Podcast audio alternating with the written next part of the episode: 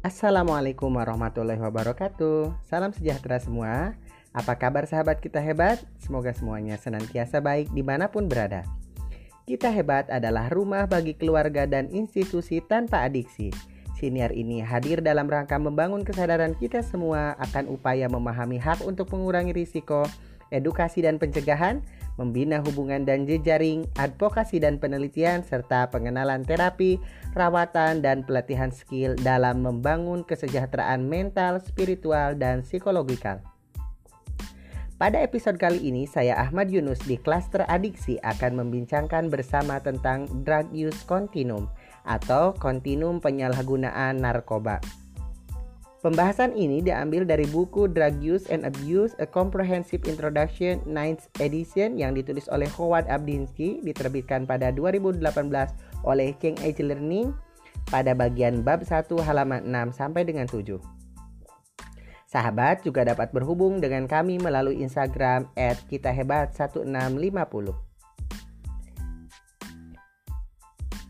Tentu teman-teman pernah mendengar bahwa banyak di antara teman-teman kita yang terjebak menyalahgunakan narkoba atau obat-obatan terlarang lainnya. Tapi sering kali pemahaman kita melihat kepada orang yang menyalahkan menyalahgunakan narkoba ialah terfokus pada mereka yang sudah di tahap abuse atau defensif. Artinya mereka yang sudah tidak bisa mengontrol diri, kehilangan kemampuan dan mengalami berbagai masalah dalam kehidupannya baru kita golongkan sebagai seorang penyalahguna narkoba atau obat-obatan terlarang lainnya.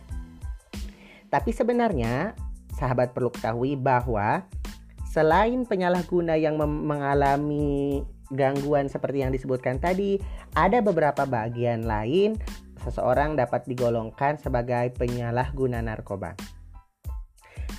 Tahap-tahap dalam penyalahgunaan narkoba inilah yang kita kenal sebagai drug use continuum. Penyalahguna narkoba sendiri, kalau sahabat ketahui, bisa dikategorikan ke dalam beberapa kelompok, mulai dari non-use, experimental use, social endorse use, recreational use, and compulsive use. Nah, Kompulsif use lah yang kemudian kita kenali di masyarakat sebagai penyalahguna narkoba atau penyalahguna obat-obatan terlarang. Lalu bagaimana dengan non-use, eksper experimental use, social endorse use, dan recreational use? Mari kita simak siniar selengkapnya. Mereka yang dikategorikan non-use adalah mereka yang sama sekali abstain atau sama sekali tidak menggunakan obat-obatan terlarang atau kita kenal dengan narkoba. Narkoba sendiri atau obat-obatan terlarang secara pengelompokan dibagi menjadi beberapa bagian. Mengikut kepada pembagian di di Diagnostic and Statistic Manual of Mental Disorder atau yang kita kenal dengan DSM, edisi terbarunya adalah edisi 5, bahwa beberapa golongan obat-obatan atau penyalahgunaan bisa dikategorikan tidak hanya saja obat dan narkoba loh, sahabat tapi juga dapat digolongkan ke dalam beberapa yang lain. Misalnya ada orang yang digolongkan menyalahgunakan alkohol, opioid, cannabis atau yang kita kenal di Indonesia sebagai ganja, sedatif, hipnotik, anxiolytic atau golongan obat tidur, kokain, stimulan, termasuk di dalamnya juga kafein, amfetamin dan tipe-tipe yang lainnya. Lalu ada juga yang digolongkan menyalahgunakan halusinogen, tobacco, nah, atau yang kita kenal sebagai rokok, inhalan, dan golongan obat yang lainnya. Jadi kalau sahabat mendengar penjelasan tadi bahwa penyalahgunaan tidak hanya saja digolongkan ke dalam narkoba, tapi juga dapat digolongkan ke dalam 10 jenis penyalahgunaan obat-obatan atau zat yang lainnya. Oleh karena itu, saat ini digunakan untuk memahami penyalahgunaan ini adalah substance use atau penyalahgunaan zat karena ternyata tidak hanya saja narkoba yang dapat disalahgunakan tapi zat-zat lain seperti inhalan yang mungkin terkandung dalam beberapa cat dan lain sebagainya juga dapat disalahgunakan. Penjelasan ini akan disampaikan pada senior yang lainnya. Nah, kembali kepada drug continuum use bahwa non use sendiri digolongkan ke dalam golongan mereka yang tidak sama sekali menggunakan zat-zat yang disebutkan tadi alkohol, opioid, cannabis, tobacco, inhalan, dan lain sebagainya. Sementara experimental use adalah mereka yang memiliki pengalaman dalam menggunakan zat-zat tersebut. Semisal, kalau dalam pergaulan kita memahami ada mereka yang sama sekali tidak merokok, maka mereka digolongkan sebagai non-use. Sementara ada mereka yang coba-coba baik atas dorongan sendiri ataupun atas dorongan teman dan lingkungan maka mereka disebut dengan experimental use.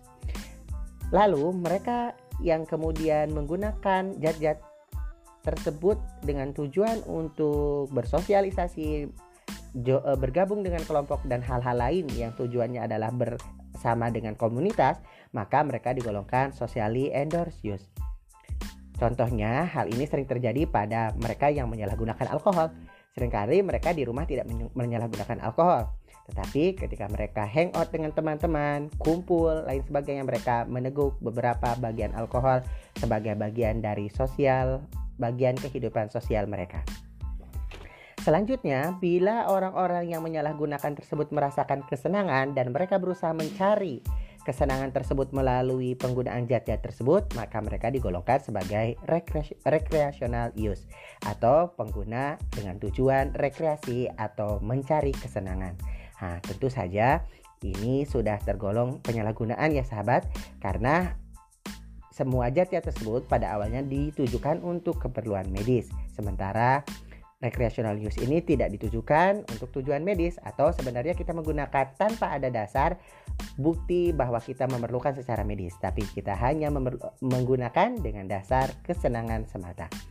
Akhirnya pada tingkatan yang paling tinggi ada golongan compulsive use. Kompulsif sendiri bermakna bahwa kita kehilangan kontrol atas diri kita.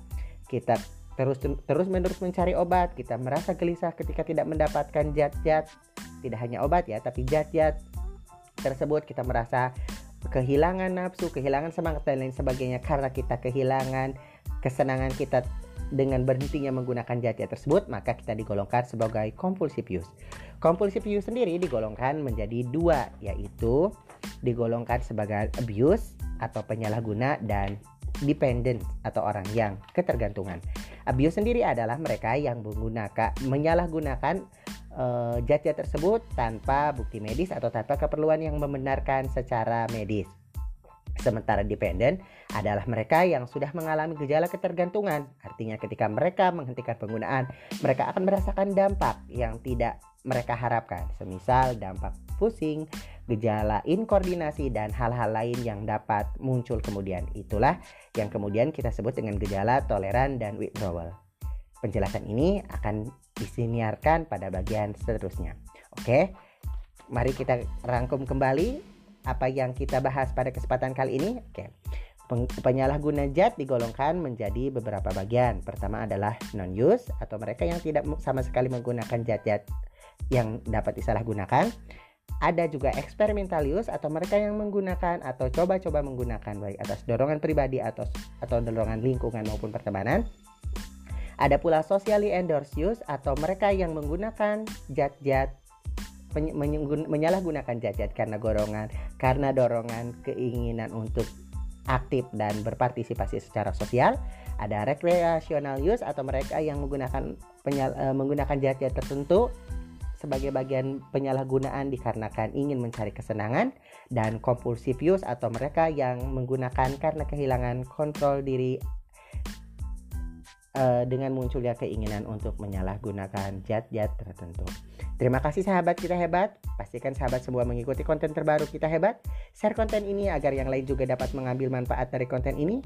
Masukan dan saran berharga dari sahabat semua kami tunggu. Pembahasan lain yang mungkin sahabat perlukan silahkan di request di Instagram @kitahebat1650.